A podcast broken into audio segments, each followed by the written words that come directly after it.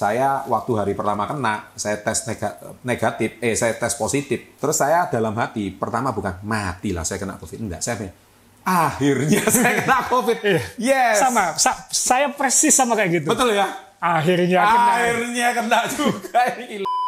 jadi di rumah sakit pun enggak sempat pasang apa ini Enggak, karena kita Pak Dahlan waktu itu eh, kita putuskan di rumah sakit. Syukur alhamdulillah waktu itu belum rame banget rumah sakit, Iya. jadi masih masih banyak kamar dan lain-lain.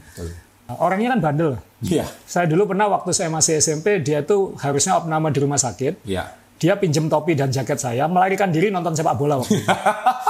Jadi kalau dia di rumah, kemungkinan melarikan dirinya juga besar. Jadi Besar. jadi lebih baik ditahan di rumah sakit.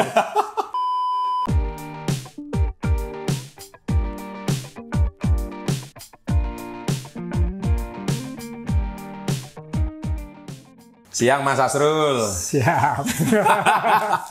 Akhirnya kita ketemu lagi setelah setahun terakhir kita berjumpa. gitu.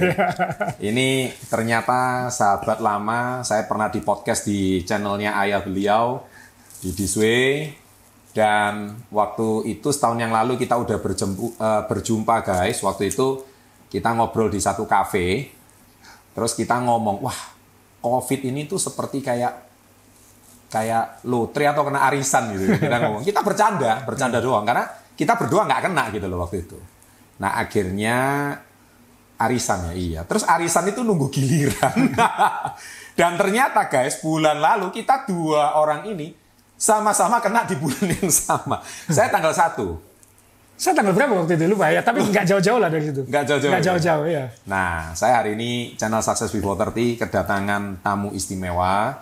Beliau pemilik dari Persebaya, waduh, dan pemilik Akademi Basket DBL. Ini bukan cuma akademi, tapi eh, penyelenggara ya Liga Basket untuk siswa terbesar di tanah air. Prestasinya segudang lah ya. Dan beruntung banget hari ini Mas Asrul mau mampir ke tempat ini. Ini orang yang benar-benar hebat luar biasa. Dan beliau ini juga seorang atlet sepeda. Luar biasa. Kalau saya bilang ini satu hari itu bisa ratusan kilo ya. Iya. Gila ini ya. Nah, kita akan ngobrol banyak dengan beliau, pasti banyak insight yang bisa kita dapat setelah yang satu ini.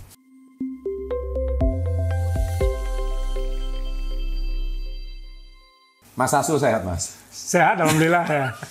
Alhamdulillah. Jadi waktu kena Covid kemarin itu OTG atau gimana gitu? Eh, OTG nggak ada gejala sama sekali, malah kalau waktu itu nggak swab mungkin ya nggak pernah tahu kayak gitu. Nah, nggak ada reaksi sama sekali. Eh, Nggak ada, demam, nggak ada. suhu normal, Normal, pilek nggak ada, pilek nggak ada, anosmia hilang rasa nggak ada. nggak ada. Gila. Ini guys, kalau saya analisa karena beliau tuh rajin olahraga, makanya itu penting banget. Dan yang kedua mungkin nggak takut kena covid juga ya. Ya saya dari dulu bukan hanya nggak takut kena covid, saya nggak takut kena semuanya.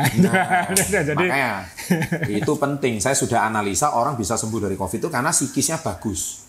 ya. Orang yang psikisnya down, Iya. karena itu yang bisa malah memburuk biasanya. Ya. Nah ini bisa kita belajar. Terus berapa hari jadi tahanan rumah itu? Eh, secara resmi sejak swab positif sampai swab negatif hanya 9 hari. Hmm. Tapi sama istri ditahan lagi tambahan dua hari. Nah, jadi istri jadi sipir. Tapi memang benar ya, di balik pria yang hebat ada wanita yang luar biasa. Jadi 11 hari baru di swab negatif. Sebenarnya 9 hari itu sudah di swab negatif. Sudah Tapi negatif. Hmm. sama istri eh, dua hari dulu. Eh, ya mungkin saya paham lah supaya rumah juga disiapkan Iya. segala macam karena kan nanti begitu saya keluar kamar itu kan semuanya akan Iya. disterilkan segala macam dan supaya siap mental aja mungkin. Eh, yang Parino kan mungkin bukan saya tapi yang lain. Eh, jadi ya ya terserah lah toh juga nggak bisa ngapa-ngapain juga. Nah, Bahkan kalau nggak salah Pak Dalan kan juga pernah covid tahun lalu ya. Betul lah, itu kan lebih buat saya kan lebih mendebarkan karena Betul. kan beliau pernah transplant, Transplant, liver. iya. uh, uh, orangnya juga nggak takutan sih. Nggak Iya. takutan. Nggak takutan uh, dan uh, beliau juga relatif OTG sebenarnya. Relatif OTG. Ya, Jadi di rumah sakit pun nggak sempat pasang apa gitu. Nggak, karena kita Iya. Pak Dahlan waktu itu uh, kita putuskan di rumah sakit. Syukur alhamdulillah waktu itu belum rame banget rumah sakit, Iya. jadi masih masih banyak kamar dan lain-lain. Betul. karena lebih ke satu eh, menjaga saja karena sudah usia 70-an. Betul. Eh, kemudian memastikan dipantau dengan baik. Betul. Eh, orangnya kan bandel. Iya. Saya dulu pernah waktu saya masih SMP, dia tuh harusnya opname di rumah sakit. Iya. Dia pinjem topi dan jaket saya, melarikan diri nonton sepak bola waktu itu. Jadi kalau dia di rumah kemungkinan melarikan dirinya juga besar. Jadi Besar. jadi lebih baik ditahan di rumah sakit. jadi satu itu, dua Lebih aman itu ya. dua juga jadi kelinci percobaan medis kan dia kan karena kan Iya. eh, karena dia ini satu belum pernah ada pasien transplant yang seperti dia yang kena Betul. COVID mungkin sehingga datanya dia itu tiap hari dikirim ke Singapura dan ke China Tiap hari ya. tiap hari Karena efek transplant itu ya. efek transplant jadi juga dijadikan bahan riset oleh Research. oleh dokter-dokter Studi ya. medis ya. studi medis jadi kelinci percobaan saya bilang Iya, gitu. iya, iya. Nah, kemudian juga untuk dokter-dokter yang di sini juga dijadikan bahan bahan eksperimen lah. jadi dan Pak Dahlan kan sudah bilang saya akan mendedikasikan badan saya untuk untuk medis kayak gitu. Wah. Dan akhirnya selama di rumah sakit reaksi nggak nggak ada aneh-aneh. ya? nggak ada eh, Itu luar biasa. ya, it- it- tapi Pak Dahlan ini memang secara spesimen memang Superman ya maksudnya Superman. ini ini berkah dari dari yang atas itu memang fisiknya memang luar biasa jadi Luar biasa. Jadi nurun ke Mas Asrul ini ya. Oh, enggak Oke. juga kekuatan dia beliau. kekuatan dia Ya kalau kita disuruh mikir kalau transplant liver belum tentu loh ya bisa kayak Pak Dahlan. Oke, kita bicara soal COVID nih ya. Jadi memang eh, candaan kita akhirnya jadi kenyataan gitu loh. Makanya tentang arisan. Nah, bicara soal arisan ini eh, positifnya kalau kita lihat kita kena COVID ini kan kena vaksin alami dari Tuhan langsung. betul Iya kan? ya buat saya itu vaksin keempat Vaksin keempat ya. Jadi udah tiga kali sebelumnya. Enggak, jadi Ah. sebenarnya saya bulan Februari ya, Februari ya, waktu di Februari dengan Persebaya waktu itu karena waktu itu sebelum liga semua pemain Persebaya pengurus uh, di Hmm. Vaksin. vaksin, dapat fasilitas vaksin. Uh, Sinovac. Sinovac, uh, kita terima kasih pada Gubernur Jawa Timur dan Ya. Pak Heru di sini karena memfasilitasi Persebaya waktu itu Uh, dan waktu itu sudah. Tapi kemudian uh, saya kan waktu itu bulan Juni mau ikut uh, balap sepeda di Amerika Iya, iya, iya. uh, balap sepeda kayak Paris Dakar kayak balap sepeda gitu. Jadi saya itu kira-kira sebulan setengah hampir dua bulan sebelum berangkat itu saya cek antibody, saya cek semua kondisi kesehatan, memastikan siap ikut atau enggak. Dan ternyata antibody saya kan waktu itu hanya 15, jadi Rendah banget. rendah banget. Harusnya normalnya di angka berapa? Uh, saya nggak tahu tapi katanya kan kalau mau aman kan harus di atas 20 atau di atas 30 kayak gitu ya. Iya, iya. Jadi i- yang jelas saya ko- komunikasi dengan teman-teman dokter yang bilang waduh itu rendah sekali katanya. gitu. Tapi memang ada orang-orang yang memang uh, tidak responsif terhadap vaksin. Mungkin saya termasuk salah nggak satu. terlalu respon ya. Ya, terus saya nggak tahu kan ini penjelasannya saya nggak tahu secara, Secara medis. Nah. medis kita nggak tahu ya. Ini pengalaman pribadi. ya. Pengalaman pribadi. Kemudian saya kan ke Amerika eh, berempat waktu itu eh, dengan dua teman sama sepeda, yang satu lagi anak DBL kru video Ya. media.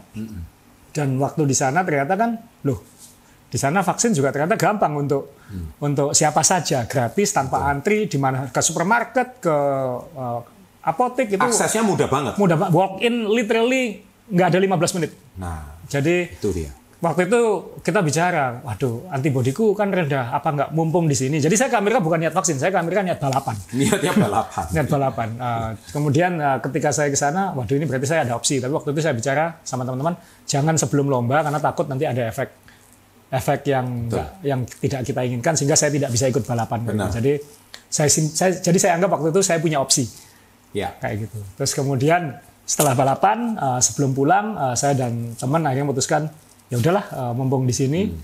saya juga komunikasi dengan beberapa teman dokter toh ya Srul antibodimu kan rendah sekali gitu. Jadi Jadi divaksin di Amerika. saya Vaksin divaksin saya apa itu? Pfizer atau? enggak saya milih Johnson Johnson karena hanya Johnson and Johnson. karena hanya sekali suntik. Oh, sekali suntik. Sekali suntik, ya. Iya, iya.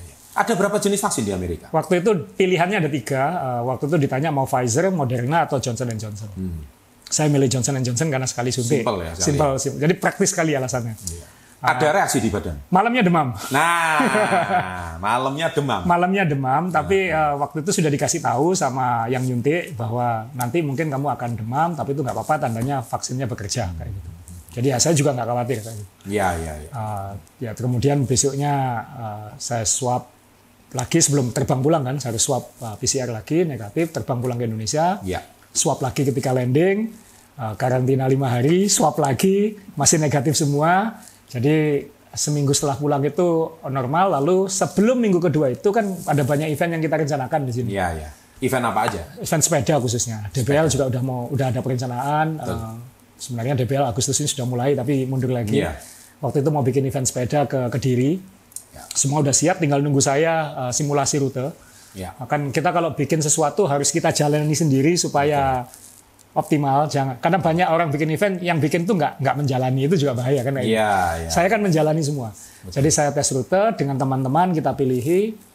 Eh ternyata eh, dari situ entah dari mana saya saya nggak tahu dan kita semua saling open mind semuanya sehat semua alhamdulillah maksudnya Ya. yang positif pun baik-baik saja. Ya. Kemudian jadi eh, saya kemudian beberapa beberapa hari setelah simulasi itu eh, saya saya lagi meeting di kantor di meja ini sebenarnya. Kemudian di di WA ada teman beberapa teman saya yang positif. Kan kita protokol semua saling jaga teman-teman sepeda itu Hmm. Ah. Betul. loh ada yang positif berarti bilang waduh saya ke lab ini saya ke lab siang itu uh, Bulan Juli, Juni, Juli. ya? Juni Juli ya ya Iya. ya dekat-dekat dengan anda itu. Iya, iya, iya. iya. Uh, akhir akhir Juni ya Akhir Juni. Akhir Juni, ya. Saya 1 Juli. Iya. terus kemudian saya Ah. Swab. swab. antigen dulu ternyata reaktif langsung PCR Iya. dan besoknya dapat hasil ternyata positif jadi Sampai kalau levelnya berapa itu? 17 Wah, jadi itu masih baru Masih baru. anda juga segituan kan Saya 18. Nah, Iya, wa- iya. waktu itu saya hitungan berarti mungkin ya mungkin waktu simulasi rute itu. Uh, tap- dan itu kalau saya hitung itu berarti belum dua minggu dari saya divaksin terakhir. Betul. Jadi uh, saya benar-benar kayak jadi virusnya tuh masuk sebelum pintunya nutup lah. Ya, setuju. Tapi kan juga waktu di Amerika pun juga dikasih tahu bahwa vaksin itu tidak menjamin kamu tidak akan negatif, eh, Iya. tidak akan positif. Tapi vaksin ini akan me- mengurangi atau menghilangkan risiko terburuknya. Ya, Jadi ya waktu itu meskipun positif saya masih positif aja. Saya sudah ada seharusnya saya ada perlindungan. ya, Kondisi badan saya bagus betul. eh, dan moga-moga saya bisa jaga diri dengan Iya. dengan baik, disiplin makan, disiplin istirahat. Selama di rumah isoman 9 hari itu stres nggak? Eh, tiga hari pertama yang berarti ya. Stres ya. Iya kan kita kan kita kan biasa apa, Keluar. Keluar ya, kalau orang Jawa Kita bilang nih, biayaan kan ya. biayaan. gitu. Ya. Kita nih orang lapangan lah. Orang lapangan ya. Tiba-tiba dikurung di rumah, sebagus apapun ruangannya. Iya. Stres juga ya? Stres juga ya. Saya besok saya saya bilang ke istri saya ngambil kamar kamar tidur utama gitu. Jadi istri saya ngalah sama anak-anak. Eh, jadi di situ di, Terus hiburannya apa? Ya, ya pasti TV ada. Eh, saya waktu itu di rumah eh, di di ruang olahraganya istri saya itu disiapkan sepeda saya untuk indoor. Jadi bisa goes virtual, Goes virtual. goes virtual. Ini loh istimewa. Jadi udah kena COVID, tetap olahraganya nggak lupa. Berarti mirip kayak Cristiano Ronaldo. Hari pertama kena, besoknya udah goes dia. Iya. Meskipun goes di dalam rumah. Iya, tapi waktu itu agak hati-hati eh, setengah jam dulu, satu jam dulu. Tapi setelah normal ya. Jadi selama saya karantina itu, selama positif itu saya saya ada yang goes. Satu tiga jam 100 kilo, ada yang 70 kilo, 80 kilo. Virtual ya? Virtual ada yang bikin acara sama teman-teman, eh, Iya. balapan online. Balapan online. sama teman-teman kayak gitu. Jadi ya ya mengurangi kebosanan ya dalam artian Iya, iya. uh, dan Pagi nunggu malam gitu. Pagi malam nunggu malam. nunggu pagi. tapi ya kan sekarang kan bisa kerja pakai Zoom, bisa Iya, iya. bisa kerja pakai uh, pakai virtual Iya, kemudian iya, iya. iya. ya semua kerjaan pakai pakai HP dan lain-lain. Jadi ya ini nggak pernah berhenti. Tiga hari pertama ya. Tiga pertama yang bosan karena lebih ke uh, apa ya kayak kalau saya bilang badan pegel bukan karena covid ya karena karena duduk tidur duduk tidur gitu. Tujuh. Iya kan benar kan ya. Jadi kan Betul. kan ini Betul. mau ngapain lagi ya Ini gitu. untuk orang-orang yang kalau penonton Anda ini tipe introvert, Anda pasti nggak ngalami orang ekstrovert kayak kami. ya Anda ngapain kan Anda juga pasti kesulitan kayak misalnya pasti. Mengapa? Apalagi ada basket. Basket kan nggak bisa virtual. Iya, wah, ya nggak bisa. Masa dribble-dribble sendiri. kan? Ah, itu benar, benar, itu benar. Jadi saya merasa, eh, makanya saya selalu bilang faktor psikis itu utama. Tapi sempat mikir aneh-aneh nggak? Enggak, sama sekali enggak. Nah, itu bagus. Positive thinking ya. Sama sekali Jadi enggak. saya waktu hari pertama kena, saya tes nega- negatif, eh saya tes positif. Saya ngomong sama eh, tukang swabnya, ah, Mas, saya positif ini, gimana? Wah, kami nggak berwenang. Bapak silakan ke rumah sakit. Oke. Terus saya dalam hati, pertama bukan matilah saya kena COVID. Enggak, saya pengen, akhirnya saya kena COVID. Yes. Iya. Sama, sa- saya persis sama kayak gitu. Betul ya? Akhirnya kena. Akhirnya kena juga. Gila. Karena uh, jujur mungkin ini juga presiden juga. Seminggu sebelumnya kan uh, ketemu Pak Dahlan juga waktu itu. Hebat kamu ya, sudah setahun lebih ini kamu nggak kena-kena. Nah. Padahal kamu kamu tuh keliling terus loh kayak Ya. gitu. Berarti varian Delta ini yang Delta Force. saya bilang. Delta Force. Jadi saya bilang. Jadi yang tahun kemarin bukan gitu jadi ya. kalau bercanda sama teman-teman sekarang Ah. bilang uh, kamu kena varian cupu kayak gitu. Ya, Cupu. Kita kita kena varian pasukan elit ini. gitu. Pasukan elit. Ini benar-benar yang kali ini ya. iya. Jadi eh, basically pengalaman kami sebagai penyintas COVID berdua ini tolong bisa dijadikan inspirasi Ya. bagi penonton channel Success Before 30 supaya Anda jangan terlalu takut lah dengan COVID. Nah, nggak, jangan pernah eh, itu juga ya saya memahami eh, maksud anda karena memang saya melihat teman-teman saya yang ngedrop itu memang juga Secara ngedrop. psikis ya. Hmm. Ya, jadi secara psikis ngedrop malah kondisinya Ya. ngedrop tapi yang eh, saya nggak bilang nggak pedulian ya kayak padahal kayak Iya. saya yang ya udah mau ngapain gitu kan tinggal kan kita ini sudah terjadi ngapain kan kayak gitu. Ngapain gitu. Jadi, Bukan Pak- diratapi. Ya, bukan ya dan eh, oke eh, step one, step two kalau Yes. kayak gini gimana, kalau kayak gini gimana. Ya. Ya kalau pengusaha kan pasti kayak gitu. Harus ya. gitu. Harus gitu. Ha. Kemudian ya istri saya memang saya akui memang lebih panik daripada saya. Dia Pasti. udah nelpon dokter segala macam. Saya bilang nggak usah khawatir, aku loh nggak apa-apa kayak. gitu. Terus eh, akhirnya saya bilang udahlah yang yang penting apa minumnya gitu ya. Saya waktu itu saya minum vitamin C juga relatif rutin kan Ya. karena saya olahraga. Jadi itu aja diteruskan ditambah vitamin D. Hmm. Sama ditambah waktu itu di teman saya dokter yang ngasih zinc. Zinc. Ya. Tapi zinc pun nggak saya habisin kan harusnya 10 saya cuma minum 6. Jadi karena ya saya nggak apa-apa kok kayak gitu. Tapi Iya. ya malah saya yang diingetin teman saya tuh kamu tuh kok kan dia dia juga cyclist. Kemudian dia ngelihat Strava, lihat di Iya. di internet. Masih aja gitu." Loh kamu kok masih goes 80 kilo tadi kayak gitu. Gila, Lah, ya, nih. ya kan goes di rumah, nggak makan apa Iya, iya. Jadi ya jangan lah gitu ya. Iya, iya, iya. Tapi ya yang penting kita positif. Tapi saya dari dulu memang eh, mungkin turun dari ayah juga. Abah saya kan juga tipenya kayak gitu. Iya. Masuk ruang operasi tidak pernah takut. Nggak pernah takut. Santai Nah, aja. Saya karena sepedaan karena operasi bahu udah dua kali, tiga kali sama nyopotnya. Tuh, serius. Serius patah bahu. Pernah patah bau? Pernah. Patah di mana itu? Di saya ditabrak di dekat Lapindo Sidoarjo. Wih, gila. 60 km per jam, dar, patah lima tulang. Tapi tiga minggu udah goes lagi. Tiga minggu udah quest Jadi ya, saya tahu, uh, saya tahu kemampuan badan saya untuk recovery. Ini ini terus terang ada nurunnya dari apa juga dari badan saya ini cepat sembuhnya. Terus waktu mau opera- operasi ini saya cerita operasi tapi sebenarnya ini ada kaitannya sama menghadapi semua penyakit sebenarnya kan kayak gitu. Jadi waktu mau operasi pun misalnya dokter anestesi bilang Mas Asrul, detak jantung ini cuma 40 loh katanya. No, Kenapa dok? Ini kalau bukan kamu, saya nggak berani ngop- nggak berani bius, nggak berani operasi kayak gitu. Tapi karena kamu memang olahragawan dan detak jantungnya rendah, kita teruskan kayak gitu. Ya udah kayak gitu. Jadi ya orang kalau terlatih olahraga kan kondisi heart rate-nya badannya kan biasanya lebih rendah. ya? lebih rendah banget. Rendah banget Kayak- kayak 40. atlet- Jadi atlet bola itu kan 50. resting heart rate saya kan berarti di 40-an kayak gitu. Wih, gila. Jadi ya itu dokter anestesinya bilang ke saya dulu sebelum bius, Mas Asrul ini detak jantungmu hanya 40. Iya. Jadi dan itu kan dikasih tahu dan saya nggak takut gitu. Maksudnya ya udah oke gitu. Maksudnya jalannya aja toh. Itulah entrepreneur sejati, guys. Nah, Ya, gitu loh. Itu juga uh, banyak teman bilang ya itu entrepreneur berani ngambil Betul. keputusan, berani ngambil The risiko, real entrepreneur tuh gitu. nggak nggak nunda-nunda ya. Terus pokoknya sesuai kayak bonek wanita. pokoknya. Iya. Oke, by the way, eh, ini seneng ya ngobrol sama orang yang very energik, very mempunyai passion yang sangat luar biasa ya. Saya seneng gitu loh, karena kita di vibrasi yang sama, bener. Dan Tapi kadang kalau ngomong sama yang model lain juga susah nyambungnya Mas. Wah Frekuensinya susah. beda. Kita kalau ngomong gila olahraga nyambung kita. Bisnis juga nyambung gitu loh. Semangat, passion juga nyambung. Makanya kalau ngomong sama yang lemes-lemes kita kadang wis tak tinggal ngomong liane. Enggak nyambung juga kan? Iya, iya. Nah, bener. Nah, kalau ngomong sama Mas Asrul ini saya ngomong ini pesepeda radikal ini kalau menurut saya. Gila loh, ratusan kilo loh guys. Ya, tapi itu kan saya sepedaan kan juga karena saya sudah nggak bisa lari dan nggak bisa main bola dan nggak bisa main Nah, itu basket. saya pernah baca kisahnya Mas Asrul. Nggak bisa lari karena masalah lutut ya. Lutut, lutut saya putus total dulu. Masalahnya kena apa waktu? Main bola. Jadi dulu dulu di kantor lama Jadi itu badan ini udah bongkar pasang semua. Iya, jadi eh, asuransi kan ya ini. Kan kalau perusahaan-perusahaan pasti asuransinya kan eh, CEO-nya dicek kesehatannya Iya, semua iya, kayak gitu. Terus eh, saya tiap tahun dulu malah tiap enam bulan di dicek kesehatan total. Iya. Terus eh, saya tanya, Mas Asri pernah operasi? Pernah. Iya. Berapa kali? Banyak saya bilang gitu. Lu kok banyak? Iya, tapi tenang hardware semua saya bilang kayak gitu. Gila. Hardware itu apa mas? Tulang semua, Iya, bukan hardware, kan? Ah. bukan bukan software gitu. Oh iya gitu. Terus setelah hasilnya keluar dokternya bilang anda CEO yang paling sehat yang saya pernah kenal. Mas." Jadi apa namanya ya ya semua patah gitu. Maksudnya patah Iya. Hmm. lutut. Lutut itu putus ligamen total ACL sama meniskusnya sobek. Malah mungkin ini harus operasi ulang. Tuh, Ya sudah wayai. Lutut? Iya. gila ini. Karena ya. sudah mulai OA juga ada artritisnya. ada osteoartritis. Iya, heeh. Jadi kalau enggak akhirnya bisa olahraganya kelari ya.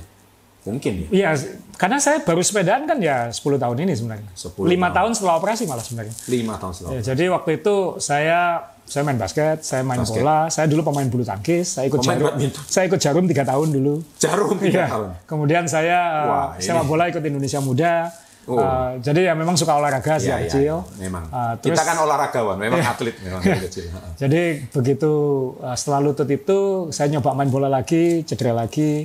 Kemudian nyoba main basket juga nggak bisa ngapa-ngapain. Hmm. Posisi apa dulu waktu bola? Kalau bola waktu masih muda saya mainnya uh, playmaker tengah, tapi Playmaker. waktu senior mainnya striker. Oh iya, ini sti- CEO mestinya se- striker terus pasti. Kalau kalau di basket posisi berapa itu? Basket dulu sebenarnya waktu masih kuliah sama kuliah awal dulu ya main posisi satu sebenarnya. Posisi satu. Uh, cuman ya ya nggak nggak pernah diseriusi aja. kayak gitu. Makanya ini hobi yang akhirnya menjadi bisnis ya. Iya. Makanya kita kalau men- ah ini ini Saya nggak serius main basket, ya. saya nggak saya nggak bilang saya jago main basket, saya bisa main basket, tapi nggak jago sama sekali, sama sekali nggak jago, Nggak jago. sama sekali nggak jago. lebih jago sepak bolanya. Uh, olahraga terbaik saya bulu tangkis sebenarnya malah, Malah bulu tangkis. iya malah bulu tangkis. Sempat ikut maksudnya ke Jurda, ke ke Jurnas, Eh, kah? dulu kan Porseni ya waktu itu. Porseni? Iya, Pasti saya ya. sampai eh, semifinal juara tiga dulu Surabaya. Hebat. saya dulu pelatih saya di Jarum eh, Mendiang Nyokimbi. Wih, Ya. eh, Itu jadi orang waktu yang sangat terkenal. waktu Mendiang meninggal saya datang ke ke meninggal. memang basicnya kalau sudah dasarnya olahragawan, mentalitinya pun beda ya. Menghadapi penyakit pun, menghadapi virus bangsa kayak COVID ini pun tidak takut. Baik.